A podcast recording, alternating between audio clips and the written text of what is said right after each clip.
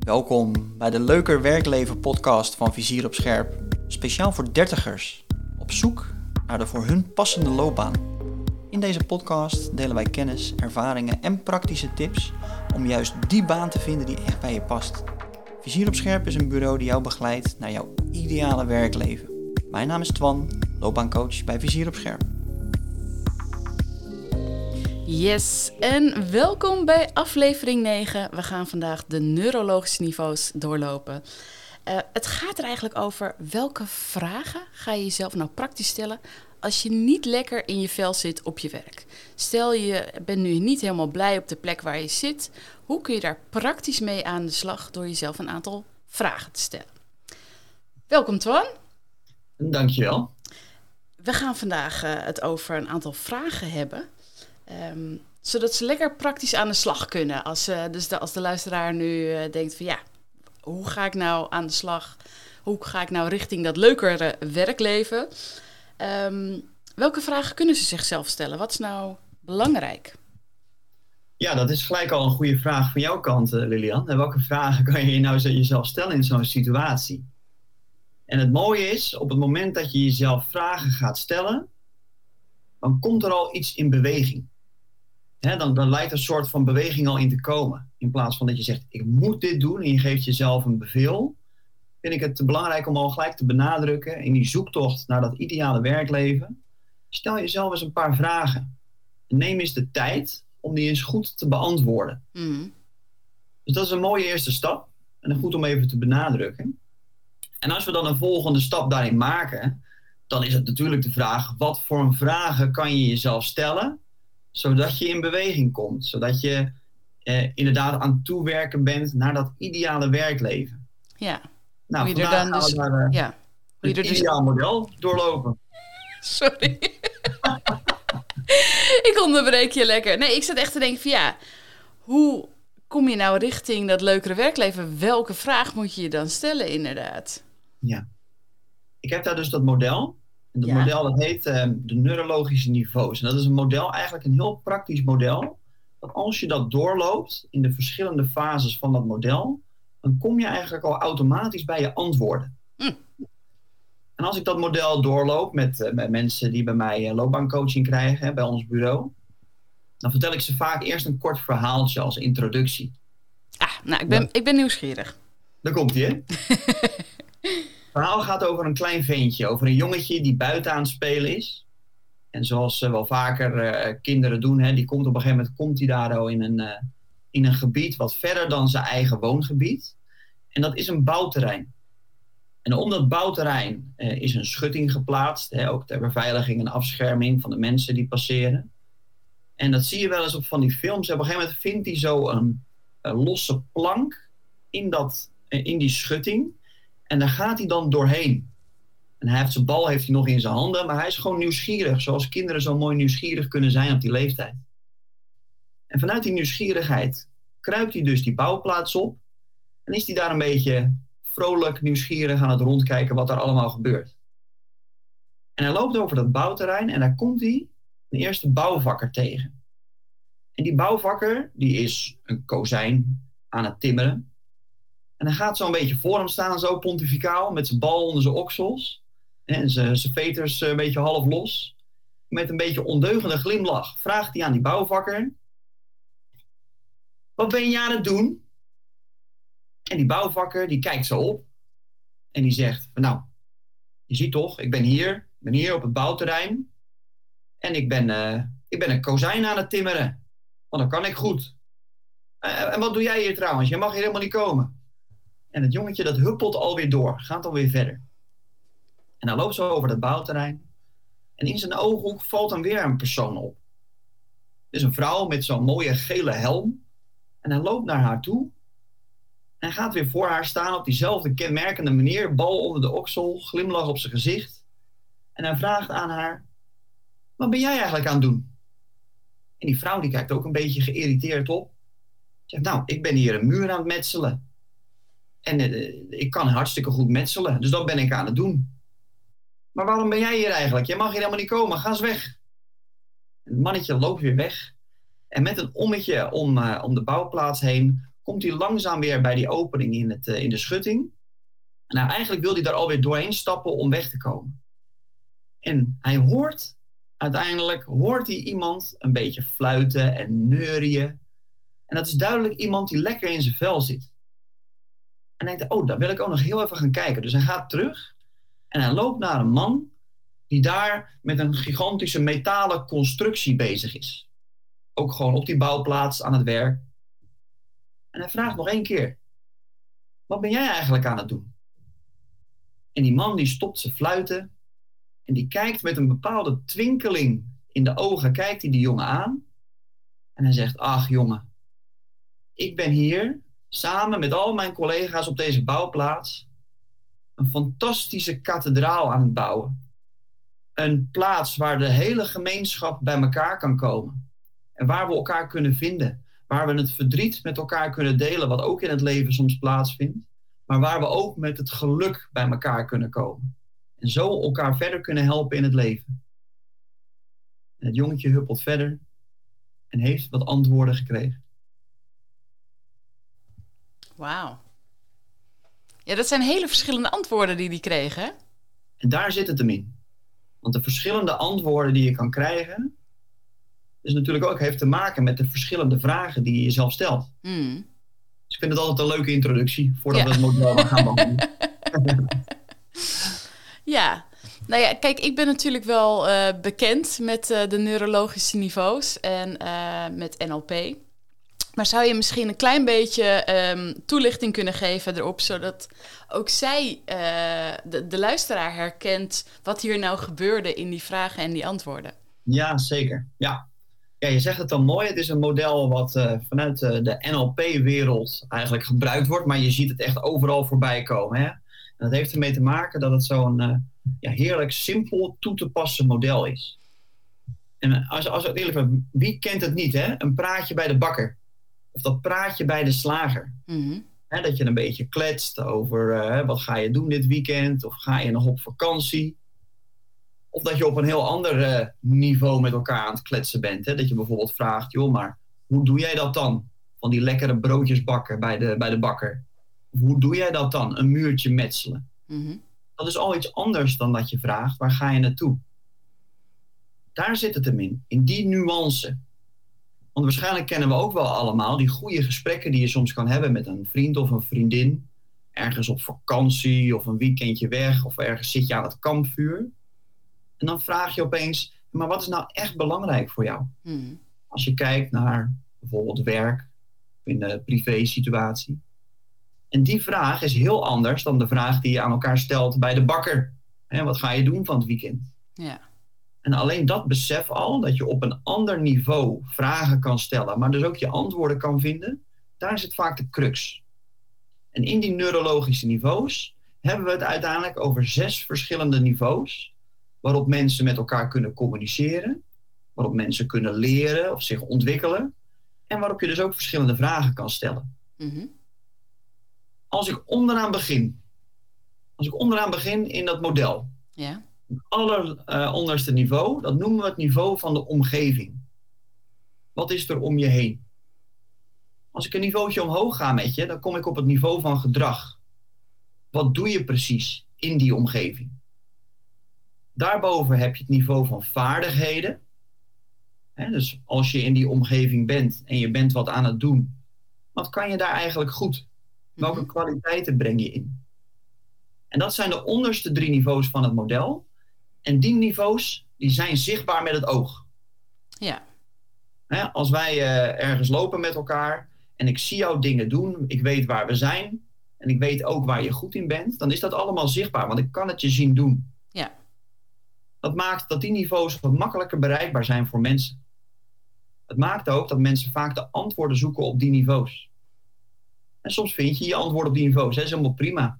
Als jij weet wat jouw kwaliteiten zijn, kan je ook prima aan de hand van je kwaliteiten en je talenten bijvoorbeeld de baan vinden die daarbij past. Ja. Alleen er zijn nog drie niveaus daarboven. Ik wou het zeggen, want er kan een baan zijn die bij je past qua um, nou ja, wat je gestudeerd hebt. Maar dat wil niet zeggen dat je er gelukkig wordt. Precies. En dat is vaak waar we, nou ja, waar soms wel ook de loopbaancoaching in kan helpen. Als mensen nog niet gewend zijn om op een hoger niveau die vragen aan elkaar te stellen. Mhm. Want als je boven het niveau van de vaardigheden gaat kijken, dan kom je op het niveau van waarden en overtuigingen. En waarde, de typische vraag die je bij waarde stelt is: wat is er nou zo belangrijk voor je? In privé, op, eh, op, op, op werk of uh, in de relatie die je hebt. En als we nu wat meer inzoomen op dat werkstuk, is dat natuurlijk een hele relevante vraag. Mhm. Wat is voor jou nou echt belangrijk in werk? En op datzelfde niveau, want die hangen een beetje met elkaar samen, zit ook het niveau van overtuigingen. Dus dat vierde niveau is van waarden en overtuigingen. En overtuigingen, ja, dat is natuurlijk ook een hele wezenlijke. En de vraag die daarbij hoort is: wat geloof je nou? Wat geloof je over jezelf en over anderen, over de wereld? Welke overtuigingen neem jij mee in je rugzakje? En zijn dat overtuigingen die je helpen? Of zijn dat soms ook wat overtuigingen die je beperken? Het is een heel interessant eh, niveau al. En dat is niet iets wat je kan zien. Hè? Je merkt al een beetje als ik dit nu zo uitleg. denk oh ja, dat is best. En dan ga je wel een laagje dieper bij iemand. En dat is niet direct zichtbaar aan de buitenkant. Ja. Nou, als je die al hebt aangeraakt, daar zitten vaak al hele mooie antwoorden voor mensen. Maar je kan nog twee niveaus omhoog. Ja, ik denk dat vaak het hier eindigt bij veel mensen. Dat ze denken van, oké, dat is de hoogste of zo. Ja, ja, ja, soms is dit al een hele stap. En dat is ook oké. hè? Als je dit voor het Mhm. eerst bereikt, dan, eh, dan is eh, de waarom-vraag, of waar geloof jij nou in, dat is voor mensen soms al een beetje zoeken. En er zijn er dus nog twee boven. Want het niveau wat je nog boven waarden en overtuigingen hebt, ik merk al dat ik daar blij van word om erover te praten, Ja. dat is het niveau van identiteit. Mhm. Wie wil je zijn? Wie wil je nog meer zijn? En die vragen jullie dan, als mensen daar het antwoord op gaan vinden, met begeleiding of dat je daar zelf met anderen over gaat praten of wat dan ook, daar zit zoveel winst in. Want als jij weet wie je meer en meer wilt zijn, kan je die niveaus die eronder zitten langzaam mee gaan nemen in dat antwoord. Ja. Het niveau van identiteit. Nou, daar zouden we een hele podcastaflevering mee kunnen vullen. Ja, Zo dat denk ik ook wel. Ja, ja, ja. En ehm, als ik nog het laatste niveau mag benadrukken, want die is niet, eh, die is niet minder belangrijk. Dat is het niveau van, van missie, van spiritualiteit, Mhm. van jouw reden van bestaan. Wat heb jij hier in de maatschappij, in de samenleving of zelfs hier op aarde? Wat wil je neerzetten? En je merkt al een beetje, dat is soms wel een beetje een ongrijpbare niveau. Niet iedereen kan daar makkelijk komen. Of er, er kan wat irritatie ontstaan als je op dat niveau komt. En dat is ook niet echt een handige vraag. Hè? Als je bijvoorbeeld als je, als je, de, als je de kroeg instapt bij iemand en, je, en, en de eerste wat je aan diegene vraagt is: waarom ben jij hier op aarde? Nou, Ik denk dat ik gelijk door zou lopen. Ik denk, eh, hoe? Dat is geen goede openingszin, kan ik je vertellen. Nee. Nee, nee, dan moet je even naar eh, toe opwarmen. En ik denk ook dat je die vraag niet makkelijk eh, in één keer kan beantwoorden als je hem zo los stelt. nee, dat is terecht dat je dat zegt. Daarom zeggen we vaak ook: doorloop eerst van onder naar boven. Eens voorzichtig op je eigen tempo deze vragen. Hmm. Soms ben je er nog niet aan toe om die hogere vragen. Hè? Dan komen de antwoorden niet direct. Maar als je dat geleidelijk doet, dus van onderaan omgevingsniveau, langzaam toewerken naar identiteitsniveau en missieniveau, dan kan je iemand meenemen en dan komen vaak ook de antwoorden die iemand verder kunnen helpen. ja. Nou, zouden we dat eens kunnen doen? Dat we gewoon een paar vragen eh, aangeven per niveau, van beneden naar boven. En dat we de luisteraar daarin mee kunnen nemen dat hij nou ja, in zijn eigen hoofd dat kan beantwoorden. Ja, zeker. Goed plan. Ja, als je dan begint. Hè, Mhm. Ik vertelde net al, je wil eigenlijk wil je onderaan altijd beginnen. En je luistert nu eh, naar wat wij hier vertellen en, en je bent op zoek naar werk of je bent dat aan het overwegen. Nou, dan is dus het advies om gewoon onderaan te beginnen. En dat is het niveau van omgeving. Dus stel je eens voor, als ik je nu vraag, in welke omgeving zou je het liefst willen werken? Ah, Oké. En om dat een beetje aan te vullen, met wie zou je daar dan willen werken? Met wat voor een soort mensen? En waar ben je dan precies? Zit je in een, eh, dichte ruimte of ben je buiten? Is het een lichte ruimte? Is er veel groen of is er juist veel bedrijvigheid? Ja, precies. Dus hier kunnen we ook dingen stellen als van uh, wil je vanuit huis werken of vind je het fijn om in een omgeving met veel mensen te werken of vind je het fijn om juist buiten te werken? Precies. Ja, allemaal van dat soort omgevingsvragen. Wat is er om je heen in de meest ideale situatie? Ja. Waar werk jij dan? In welke omgeving kom jij goed tot je recht? Ah, oké. En is dat in een team? En uh, is dat dan, uh, ben je dan de leidinggevende van dat team, zeg maar? Hè, er zijn er veel mensen om je heen. En je merkt al een beetje, dan hebben we het over omgeving. En je voelt al een beetje dat je getrokken wordt naar het niveau daarboven. Mm Ja. Want als jij op omgevingsniveau duidelijk hebt, en je kan nu een beetje dingen opschrijven natuurlijk. Als dat duidelijker wordt, merk je al een beetje van, oh ja, maar wat ga ik daar dan doen? Mm Ja. Dan breng je iemand al naar het niveau van gedrag. Wat doe ik daar dan in die ruimte? Wat voor werk doe ik? Wat zie ik mezelf misschien wel doen? Hè? Stel dat er een cameraatje hangt en die is aan het filmen wat jij in die omgeving aan het doen bent. In jouw ideale werkomgeving. Ja. Zie je dan zelf met veel mensen kletsen? Zie je jezelf klanten ontvangen? Ben je iets aan het repareren of ben je juist met iets technisch bezig, heel secuur? Ja. Wat staat er op die videocamera? Wat zie je jezelf doen? Ja, precies. Ben je juist met je handen bezig? Zit je achter een computer? Loop je juist tussen mensen? Ben je aan, veel aan, op reis? Uh, dat ja. ja. Ja, zie je jezelf steeds weer inchecken en stap je in het vliegtuig? Ja. ja. Het zijn allemaal mooie vragen op het niveau van gedrag. Duidelijk. En als je nu daar ook wat antwoorden voor aan het opschrijven bent, gewoon, dan kan je gewoon werken met wat er naar boven komt. Hè? Dat is vaak het leuke hierbij. Ja, precies. Dat ze gewoon even steekwoorden opschrijven wat er nu bij hun met die vragen naar boven komt. En dan kan je langzaam de vertaling maken naar dat eh, derde niveau. Dat is het niveau van vaardigheden. Mhm. En dat is vaak de hoe-vraag die we daar stellen. Oké. Als je in die omgeving bent en dat gedrag wat je net ook hebt op- opgeschreven, hoe doe je dat dan precies? Hoe kan jij dat? Waar ben je goed in? Wat gaat je goed af als je dat gedrag vertoont in die omgeving?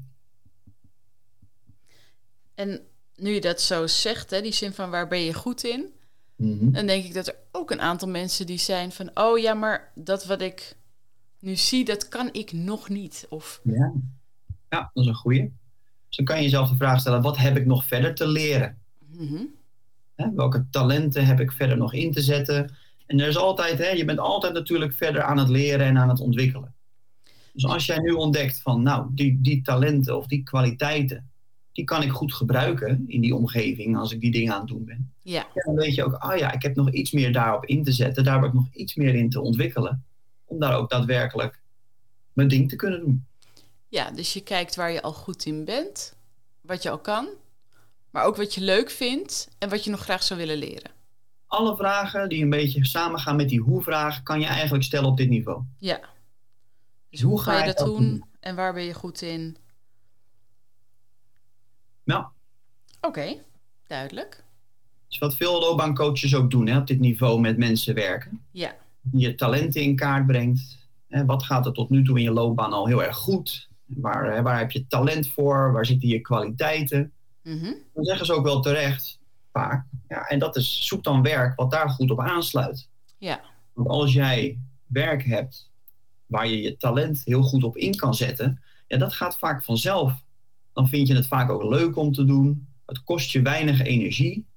Dus er zitten al mooie winstpunten in, eh, in dit niveau en de vragen die je kan stellen. ja. Ja, schiet me ook iets te binnen als je denkt aan vaardigheden. Ik denk dat mensen dan al heel snel eh, gaan kijken naar de opleidingen die ze hebben gedaan. Maar het is veel breder dan dat, neem ik aan. Ja, dat is mooi dat je die nuance legt. Vaardigheden zijn natuurlijk ook dingen die je in het verleden al geleerd hebt. Hè? En als je daar al veel mee bezig bent geweest, dan ontwikkel je iets. En als je kijkt naar talent, dat zit ook op dit niveau, dan kan je ergens makkelijk op instappen. Dus je kan het je snel aanleren. Maar misschien heb je dat tot nu toe nog niet helemaal gedaan. Mhm. Oftewel, eh, talent helpt je om een vaardigheid snel te ontwikkelen. Daar komt het eigenlijk op neer. Dus pak hem van beide kanten. Kijk wat je in het verleden al gedaan hebt en waar je goed in bent. Maar gun jezelf ook de ruimte dat als je merkt van, oh ja, als, als dit mijn talent is, wat zou ik nog meer daarnaast kunnen ontwikkelen wat eigenlijk daar ook goed op aansluit. Oké. Ik zeg wel eens, en dat is wel, uh, vind ik wel mooi om op dit niveau nog een keer te benadrukken.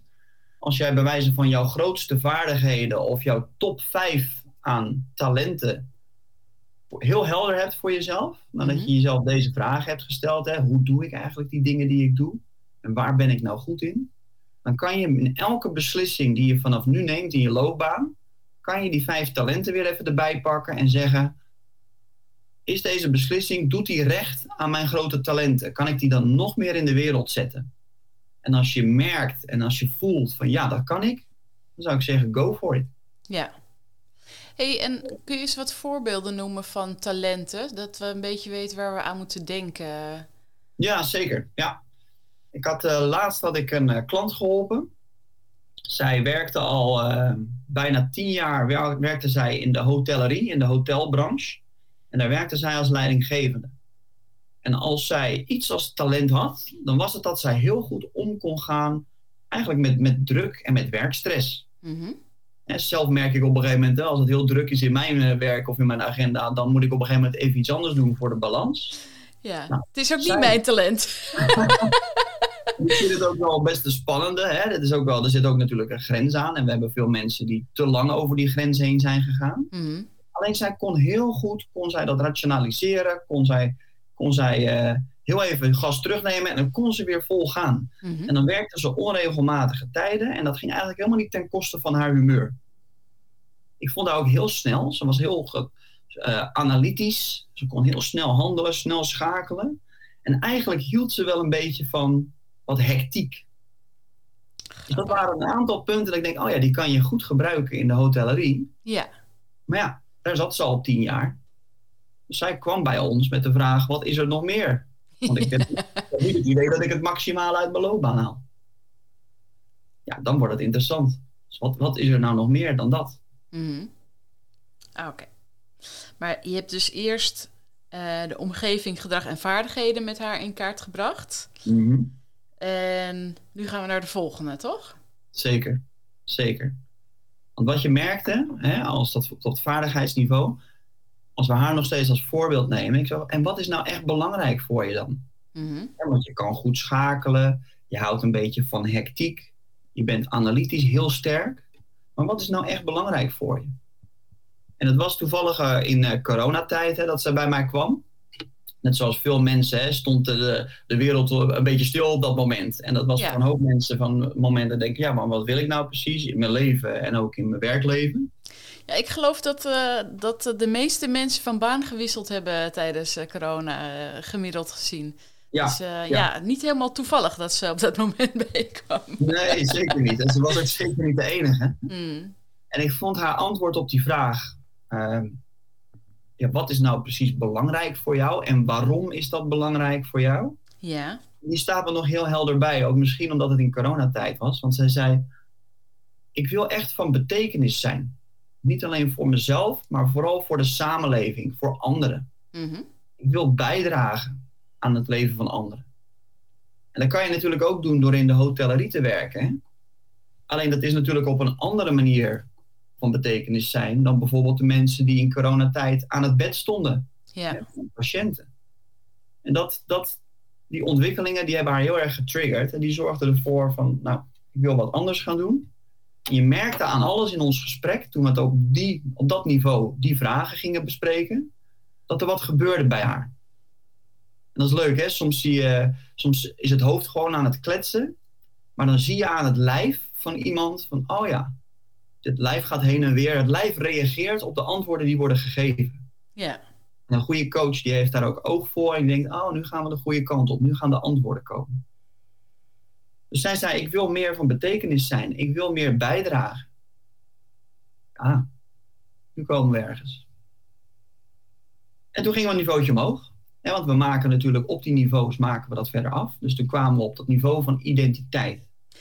Ah ja. Kunnen we nog heel even blijven bij het stukje overtuiging en waarde? Want de luisteraar die is natuurlijk ook nog steeds aan het meedenken van... hé, hey, wat is belangrijk voor mij? Zijn er nog meer vragen in dat niveau wat je jezelf kan stellen?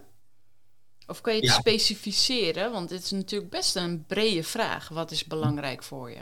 Ja, het leuke is, als je op dit niveau zit, dan kan je je eigenlijk beperken tot één vraag. Ah. En dat is, dan, en dat is die mooie waarom-vraag. Alleen waarmee je steeds een laagje dieper kan gaan is, hè, stel dat ik aan jou zou vragen of ik vroeg aan haar, uh, waarom is dat dan belangrijk voor jou? Hè, betekenis geven. Ja. Dan kom je weer op een laagje dieper. Dan ging ze weer graven. Dus dan zie je vaak dat mensen even stil zijn, omdat die antwoorden vaak niet gelijk paraat, uh, dat ze die niet paraat hebben.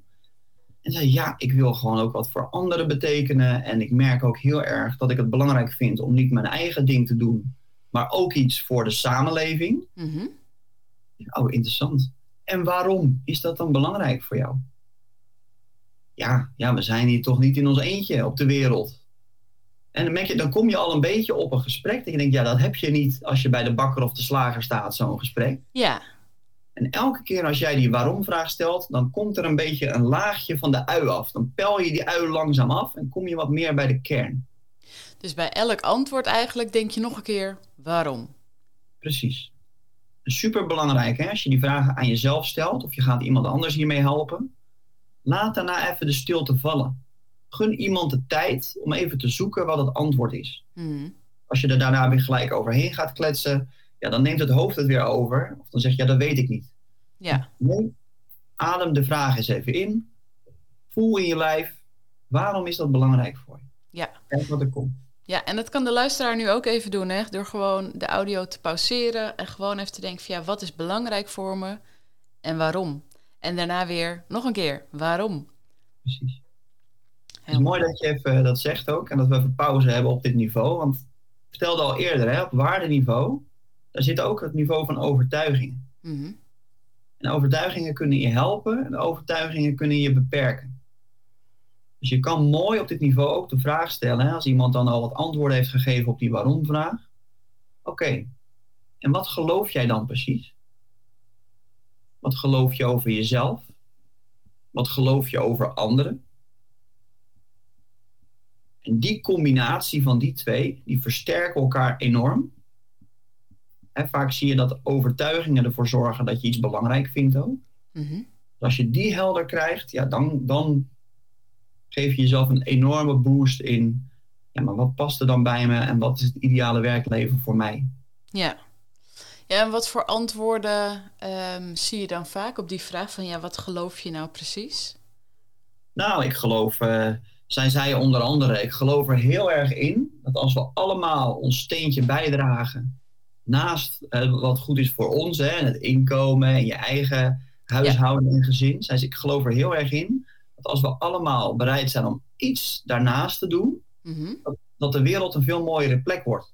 Ah, En ik Ja. geloof er ook in dat ik daar het goede voorbeeld in kan geven. En we zaten daarover te kletsen. En het werd er in één keer duidelijk. Oh, nou, ik denk dat ik in ieder geval wel leidinggevende wil blijven. mhm. Een goede voorbeeld geven op dit stuk, dat is belangrijk voor mij en daar geloof ik in. Ja. Ja, mooi. je- Mooi. Mooie inzichten van haar ook. Ja.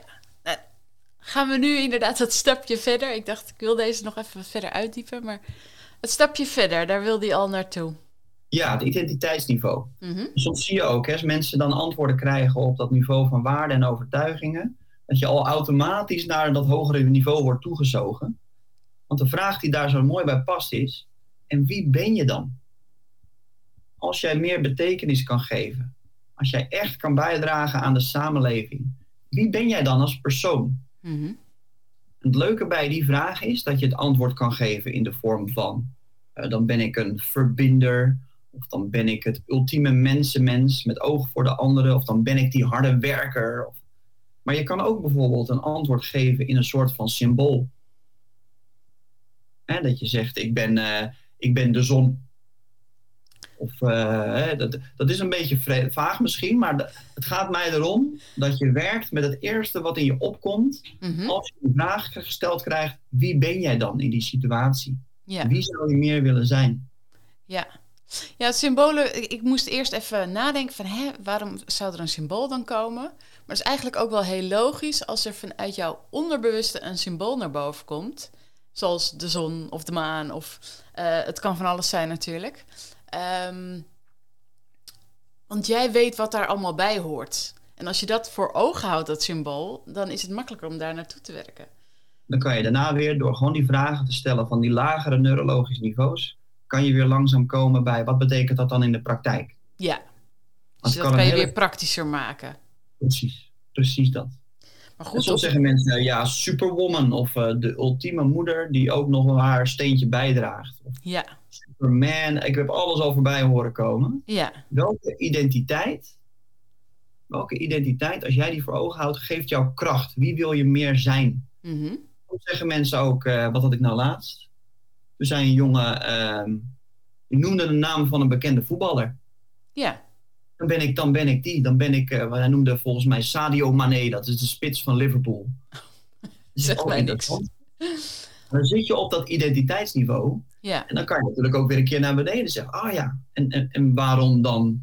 Uh, ja, voor hem hangen daar allemaal uh, dingen aan vast die hij associeert met die persoon. Of dat is het. met dat symbool. Dat ja. ja. En als je die in je vizier hebt, dat je denkt, ah ja, op mijn eigen manier, mm -hmm. want we zijn allemaal onze mooie eigen ik, wil ik meer dat Sadio Mane in mij brengen? Wil ik meer die held voor ogen houden of die identiteit? Ja. ja en dat is, een, dat is een mooie krachtbron. Dat is de benzine in je motor. Ja. Ja, mooi. Maar er, er zit er ook nog eentje boven. Missie? Dat is de laatste. Ja. En dan kan je hem soms mooi samenvatten. Hè? Dus als je zegt, oké, als dat de omgeving is waar je in wil werken... en je gaat dat, ga je daar doen. Je ziet jezelf dat daar doen. Mm -hmm. Dit zijn de talenten die je inbrengt. Ja. Ik zei toen ook tegen die klant, en je weet dat je van betekenis wil zijn, je weet dat je wil gaan bijdragen, omdat je gelooft dat dan de wereld een mooiere plek wordt als iedereen dat doet. En zij zei, ik, wil, ik ben iemand op wie ik kan bouwen. Dat, dat was haar identiteit. Mm Dan vat ik dat voor haar samen en dan stel ik die laatste vraag, die hoort bij dat laatste niveau. Waartoe ben jij dan hier? Wat wil jij dan hier in de maatschappij laten zien? En soms vloeien er dan al antwoorden. Hè? Dat mensen gelijk denken, oh ja, maar als je dat zo opzomt. Ja. En soms blijft het even stil. En dan help ik mensen. Ja, dat is prima. En vaak komen er dan ook later nog antwoorden. En je kan jezelf of anderen dan ook helpen door dat iets te begeleiden. Door te zeggen, oké, en stel, we zijn 100 of 200 jaar verder. En je bent er inmiddels niet meer. Je hebt de aarde verlaten en je kijkt als een sterretje, kijk je terug op de wereld welk vonkje, welke boodschap wil jij dan hebben achtergelaten in jouw tijd op aarde? Mm.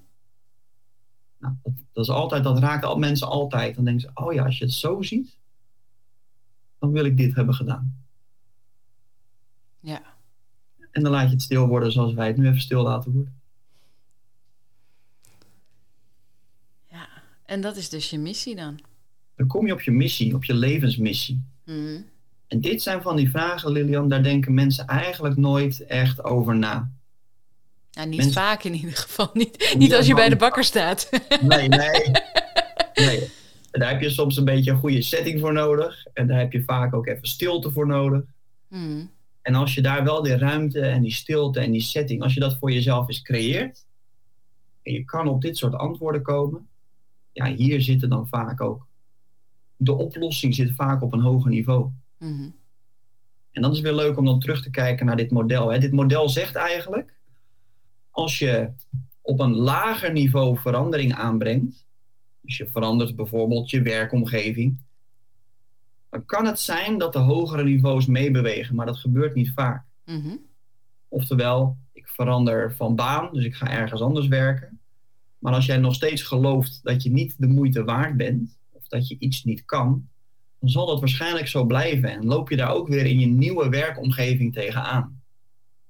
Daarom zeggen wij, als je toch verandering, als je met jezelf aan de slag gaat, op een hoger niveau, als je daar iets verandert, of als je daar meer naar gaat leven, dan gaan de onderste niveaus meebewegen. Mm Als jij je missie weet, als jij je gewenste identiteit weet en je gaat dat meer en meer leven en als een kompas gebruiken, dan gaan die niveaus daaronder gaan meebewegen. Ja. Om een voorbeeld te geven. Die, eh, die dame met waarmee ik werkte, die wilde dus meer van betekenis zijn. Ik zei, oké, nou, elke dag als je opstaat, stel jezelf weer eens de vraag, hoe kan ik nog meer van betekenis zijn? En welke stap heb ik te zetten? Nou, in haar geval was dat vrij snel duidelijk. In coronatijd wilde zij dichter bij het vuur zitten waar het toen om ging. En uiteindelijk heeft zij de overstap gemaakt van de hotellerie naar de zorg. En werkt zij nu als leidinggevende in een ziekenhuis. Oh. Ja.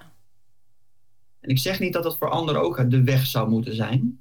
Dit was voor haar, omdat dat dit haar antwoorden waren. Dit Mhm. was voor haar de weg. Ja.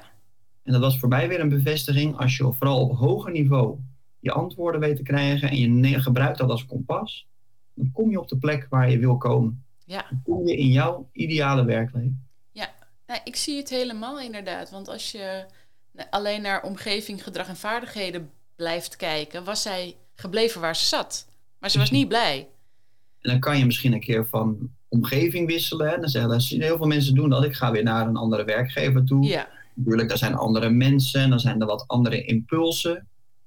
En als jij bepaalde dingen gelooft, of als er bepaalde waarden zijn waar je niet aan kan voldoen in die omgeving, dan gaat dat ook weer wringen.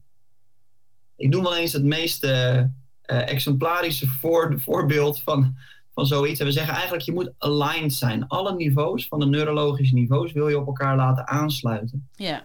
En als iemand eh, die vegetarisch is, werkt in een slachthuis, dan voel je al een beetje, ja, dan zijn niet alle niveaus op elkaar aangesloten. Nee, nee. en daar heb je naar te zoeken. Ja. Hé, hey, maar stel je hebt hem nu helemaal doorlopen en je hebt een, je hebt een missie ehm, geformuleerd voor jezelf. Hoe ga je daar dan ehm, wat mee doen? Ja. Want het zal Ja, niet voor een- iedereen gelijk duidelijk zijn van... hé, hey, mijn missie is anderen helpen. Oh, ik ga in de zorg werken. Dat, dat, daar zitten nog wat stapjes tussen voor mijn gevoel. Ja, dat zit er zeker. Dat is een hele goede vraag. Hoe kan je het nou weer vertalen naar de praktijk? Hè? Ja, is niet voor niks dat mensen soms zeggen, ik vind het een beetje zweverig. En dat heeft ermee te maken dat het natuurlijk heel hoog over is. Want wat is dat nou, meer betekenis geven in haar verhaal? ja, zijn vaak van die containerbegrippen. Nou, één ding. Ik heb eigenlijk twee tips wat je kan doen om dat concreet te maken. mhm, En één ding is eigenlijk al iets wat ik al een beetje genoemd heb. Want wat heel erg helpt, is om dagelijks even stil te staan en een momentje te pakken bij die levensmissie of bij die gewenste identiteit. Oftewel, als jij zegt, ik ben iemand op wie je kan bouwen, zorg ervoor dat dat een soort van kompas wordt waar je elke dag of elke beslissing daar in ieder geval recht aan doet. mhm, En het zijn vaak meer antwoorden dan alleen dat. Elke dag denk je, oh ja, vandaag start weer de werkdag. Hoe kan ik vandaag weer diegene zijn die van betekenis is voor anderen, op wie mensen kunnen bouwen en die echt impact maakt in de samenleving? En dan kan het best zijn dat je nog even blijft in de baan waarin je zit. Maar dan ga je merken, als je dat elke dag op die manier doet, oh ja, ik heb wat meer hier naartoe te bewegen. mm, Oh, ik zie hier een kans. Oh, iemand vraagt om een keer te gaan praten voor een eh, functie, nog wel binnen het bedrijf, maar op een net iets andere afdeling of een andere, andere functie. ja, En dan gaat het erom dat je gewoon gaat proberen. Dat je weet, elke beslissing die ik neem, moet wel in lijn zijn met wat ik op hoger niveau over mezelf heb ontdekt. Maar je weet nooit in de praktijk hoe dat precies uitpakt. Dus kom in beweging. Ga steeds kijken hoe dit is. Hoe het op een andere afdeling is. Hoe het bij een andere werkgever is. Dan ga je vanzelf bewegen. eh, en kom je veel meer in een situatie waar je recht doet aan die antwoorden. ja. Dus eigenlijk stel je jezelf de vraag hoe je je identiteit of je missie die dag gaat ehm, volbrengen. Precies, precies. Hoe vaker je dat doet, hoe scherper eh, je vizier is, zeg maar. En hoe makkelijker je daar kan komen. Of dan, dan ga je gewoon antwoorden zien. Dan komen er Ja. kansen en mogelijkheden op je pad. Ja, precies. Dan ga je met een bepaalde filter kijken en dan zie je die dingen meer. Net Ja. als dat Als je aan eh, bepaalde auto's zit te denken om die te gaan kopen, dan zie je meer van die auto's. Precies. En als je dus meer gaat denken aan- over je identiteits- en je missie, dan zie je meer de elementen die aansluiten. Exact dat. Ja. Het is een bekende fenomeen dat je dan, eh, je stelt je filters in op hetgeen wat belangrijk voor je is. Ja, En dat, dat is inderdaad het typische voorbeeld. Je hebt een nieuwe auto gekocht en je ziet opeens overal die nieuwe auto rijden. ja, Of je hebt een kinderwagen en overal zie je opeens die kinderwagen ook. Nou, Ja. dat ja, heel herkenbaar. En je had nog een tweede ding Ja, hoe je er tweede tip. tweede tip, en die is misschien nog het makkelijkste ook voor de luisteraars om zelf toe te passen. Stel je hebt je antwoorden op die hogere niveaus, Mhm. dan kan je vanaf dat missieniveau, kan je de niveaus weer naar beneden doorlopen. Stel dat je die missie hebt ontdekt op de heenweg van onder naar boven. Ja, En net zoals die klant die zei, ja, ik wil van betekenis zijn hè, voor de samenleving, ik wil bijdragen eh, ik wil het verschil maken in het leven van anderen. Dat is wat ik hier in de maatschappij, in de samenleving wil neerzetten. oké, ja. kan je opnieuw een niveautje naar beneden en dan zeg je: Oké, als dat je missie is, wie ben je dan nog meer Als je dat doet. Ja, als je dat doet? Oh ja, ja dan, ben ik, eh, dan ben ik iemand die eh, ook een goede balans heeft. En dan, zeg ik, en dan wil ik ook moeder worden. Oh, oké. Mhm. En als je, dat, als je die bent, met die missie en die identiteit, wat is er dan belangrijk voor je? Hoe je weet je, dan ga je, dan ga je de niveaus weer naar beneden. En Ja. soms komen daar een beetje dezelfde antwoorden. En omdat je je missie en je gewenste identiteit in kaart hebt gebracht, komen er vaak ook andere antwoorden weer op het moment dat je naar beneden teruggaat. ja. Dus ik heb ook het idee dat iets helderder dan is of zo. Als je je, je missie weet, je identiteit weet, dan die vragen over overtuigingen van wat is nou belangrijk voor me, waar, wat geloof ik nou precies? Dat vloeit dan wat makkelijker plaatje. eruit. Ja, Ja. Ja, je hebt het grotere plaatje waar je het eigenlijk allemaal voor doet. Heb je wat meer in beeld. Hè, dat, dat, dat klinkt lekker en daar heb je een gevoel bij. En vervolgens kan je dat dan weer naar beneden concreter gaan maken. Zodat het Ja. inderdaad praktischer wordt. Ja, dan ga je het inkleuren, die missie. Kan je het inkleuren en dan kom je weer op dat niveau van de waarde. En, en wat geloof je dan? Mhm. Als jij ook moeder bent en ook eh, die andere gewenste identiteit die dan ook genoemd wordt. Oké, en wat kan je dan goed? Hè, op niveau van vaardigheden. Wat doe je dan en hoe doe je dat dan? Als je die missie zo in de wereld zet. ja, Met die gewenste identiteit en met die eh, talenten en waarden. precies. Welke talenten passen daarbij? Ja.